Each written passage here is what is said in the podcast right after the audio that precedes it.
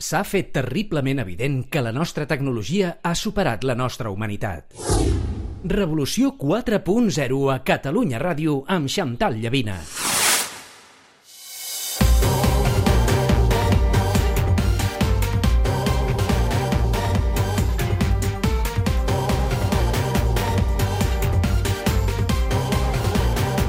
Masterclass Becerra, amb Santiago Niño Becerra.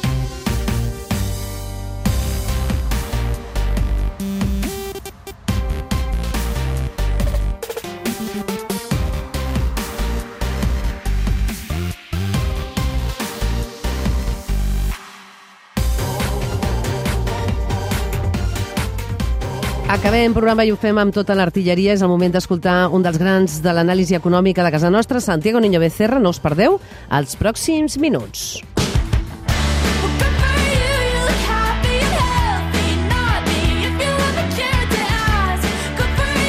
Santiago Niño Becerra, què tal? Bona nit.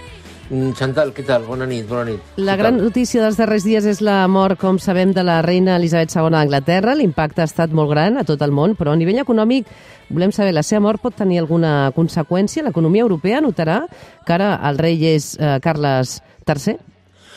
Bueno, eh, el que tothom diu és que la, la regna eh, era una extraordinària bona diplomàtica i representant del seu país allà on anava. Ara és cert que viatjava poc, eh, més, més bé anaven a veure-la, però mm, era molt bona representant.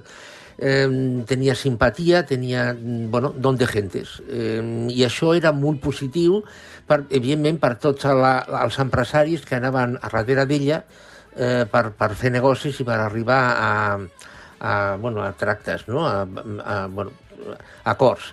Eh, sembla ser que l'actual rei, el seu fill, mm, no té aquest, mm, aquest don de gente, sembla ser, per al que es comenta.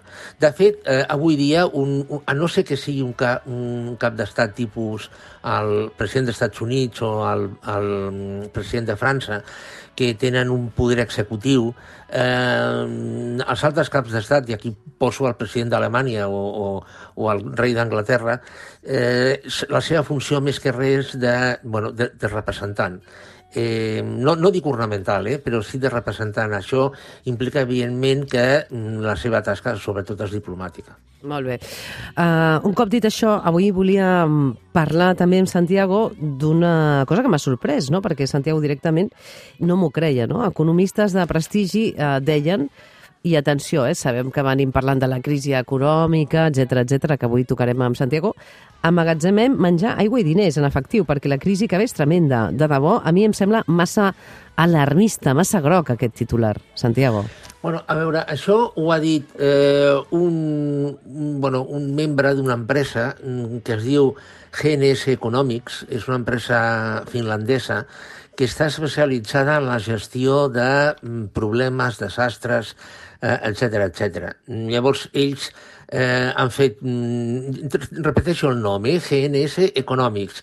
Mm, Els que, els que ens estan sentint poden anar a, quan acaben de, el programa d'entrar de, a Google i, i mirar-ho. No? Hi ha informació sobre aquesta empresa. Ells diuen de que ve una, una situació dolentíssima, sobretot perquè hi haurà desabast- de, desabastiments eh, causats perquè les cadenes logístiques encara no s'han reprès, problemes energètics, problemes de transport, mm, i això farà que bueno, mm, faltin, mm, hi hagi, hi hagi mancança d'elements necessaris, eh, inclús mm, menjar i aigua mineral. Eh, clar, ara tu em preguntaràs, i tu creus que això, això passarà? Sí, jo, a mi em sembla molt exagerat, realment, eh? Sí, sí, però sí, sí, sí. Eh, de tota manera, tu haguessis dit al 2019 que un any i pico després mm, mm, no hi hauria paper higiènic al, a les botigues? No, és veritat que amb la No, pandèmia no. eh, Ah, van, clar, clar, van clar. passar coses que no ens esperàvem i Ja. a la vida mm, mai sabem no, el que pot venir i les conseqüències d'una crisi econòmica. Sí. Jo, jo a, a veure, jo, jo personalment, eh, jo no crec que arribem a aquesta situació tan, tan terrible que pinten aquesta gent.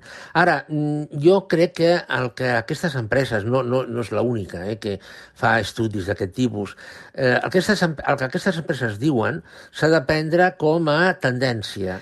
Eh, és a dir, que Ten... les coses, les coses Clar. aniran pitjor, sí. Aniran la tendència, pitjor. perquè tu també, abans de, de fer aquesta secció, m'has enviat un missatge que deia hem de parlar d'això, no? que la Comissió Europea està disposada a aprovar un pla per fer front a, als talls de, de gas no? de, de, de Putin, sí. i, i per tant això també vol dir alguna cosa. Sí, això realment, això realment és complicat. Eh, és a dir, la, la, a mi em va, em, ahir, eh, fa uns dies em va, anar, em va arribar una captura d'un tuit que deia que la Comissió Europea, eh, un tuit des de Brussel·les, eh, que deia que la Comissió Europea estava estudiant mm, reduir quatre hores diàries eh, o tallar quatre hores diàries l'electricitat als països durant eh, els mesos de mm, més fred. Eh, jo ho vaig agafar, bueno, bueno, li vaig donar les gràcies a la persona que em va enviar aquesta captura, eh, però és que avui eh, realment he llegit que això, mm, a veure, de moment és una notícia o és una projecció de notícia, no està res signat, però sembla ser que sí, que els tres van per aquí. Eh, a, a, i, si és, I si això és cert, eh, s'obre un ventall de possibilitats i de situacions realment que poden ser molt complicades. Eh, per, per exemple, eh, qui decideix quines quatre hores? Mm, entre tres, exactament diu entre tres i quatre hores. Qui decideix eh, quan? Qui decideix com?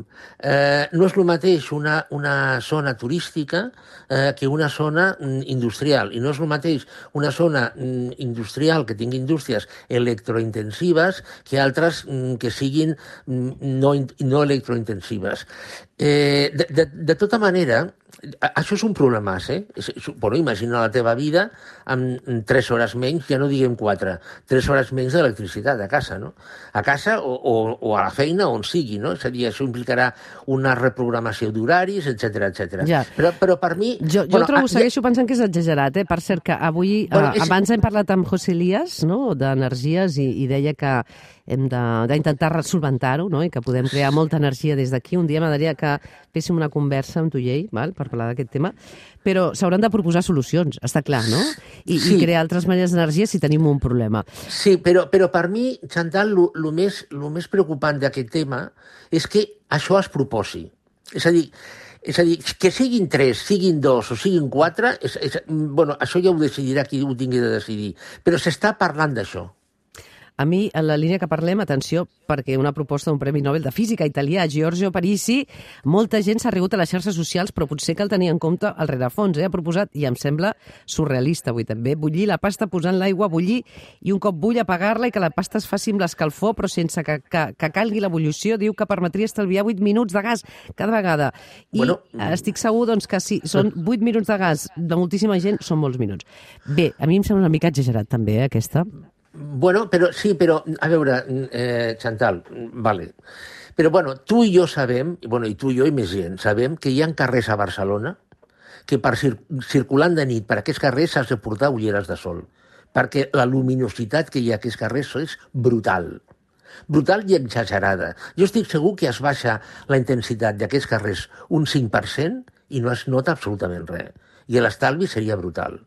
És a dir, és que jo, jo crec que amb, petits, amb petites eh, eh, accions per exemple, no sé, i no, i, i, i no he provat, eh? però amb això que diu aquest, aquest Premi Nobel de Física, no? de, de, per bullir la pasta, amb petites accions jo estic convençut que es pot estalviar molta energia. I a la vegada incrementant la productivitat del quilowatt, que als anys 70 i 80, amb la crisi del petroli, es va fer. És a dir, entre els anys 70 i els, i els anys 90, la productivitat del quilowatt a nivell industrial, eh? però la productivitat del quilowatt es va disparar per exemple, eh, el tema, de les, el tema de les, eh, eh, dels aïllaments de les vivendes. Eh, amb un bon aïllament, una, una, l'estalvi d'energia en una vivenda és brutal. És, és cert Clar. que els fons Net, Net Generation, una part, els vol fer això. Però, bueno, el temps va passant i de moment es fan poques coses. I get knocked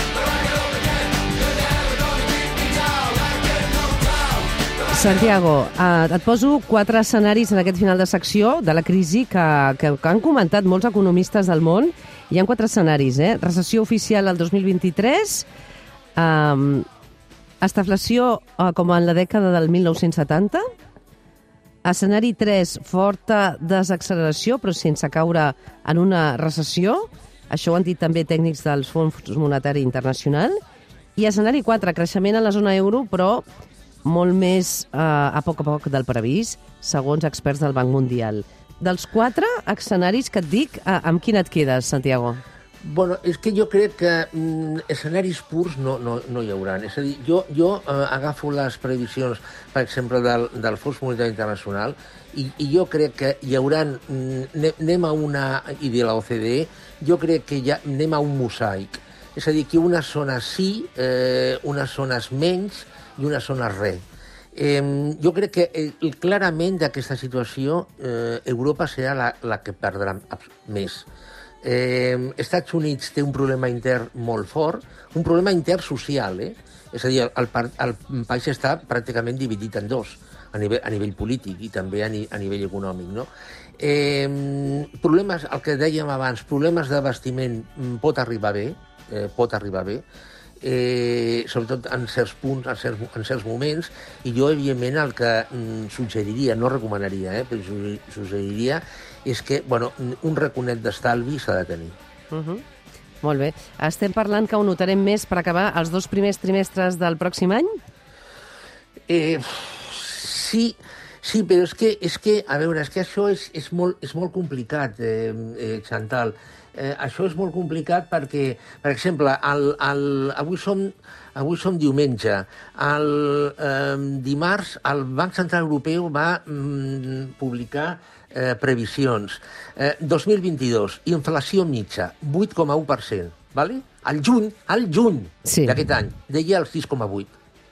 2023, 5,5%. Al juny deia 3,5%. És a dir, és que les coses estan canviant d'un dia per l'altre. Clar.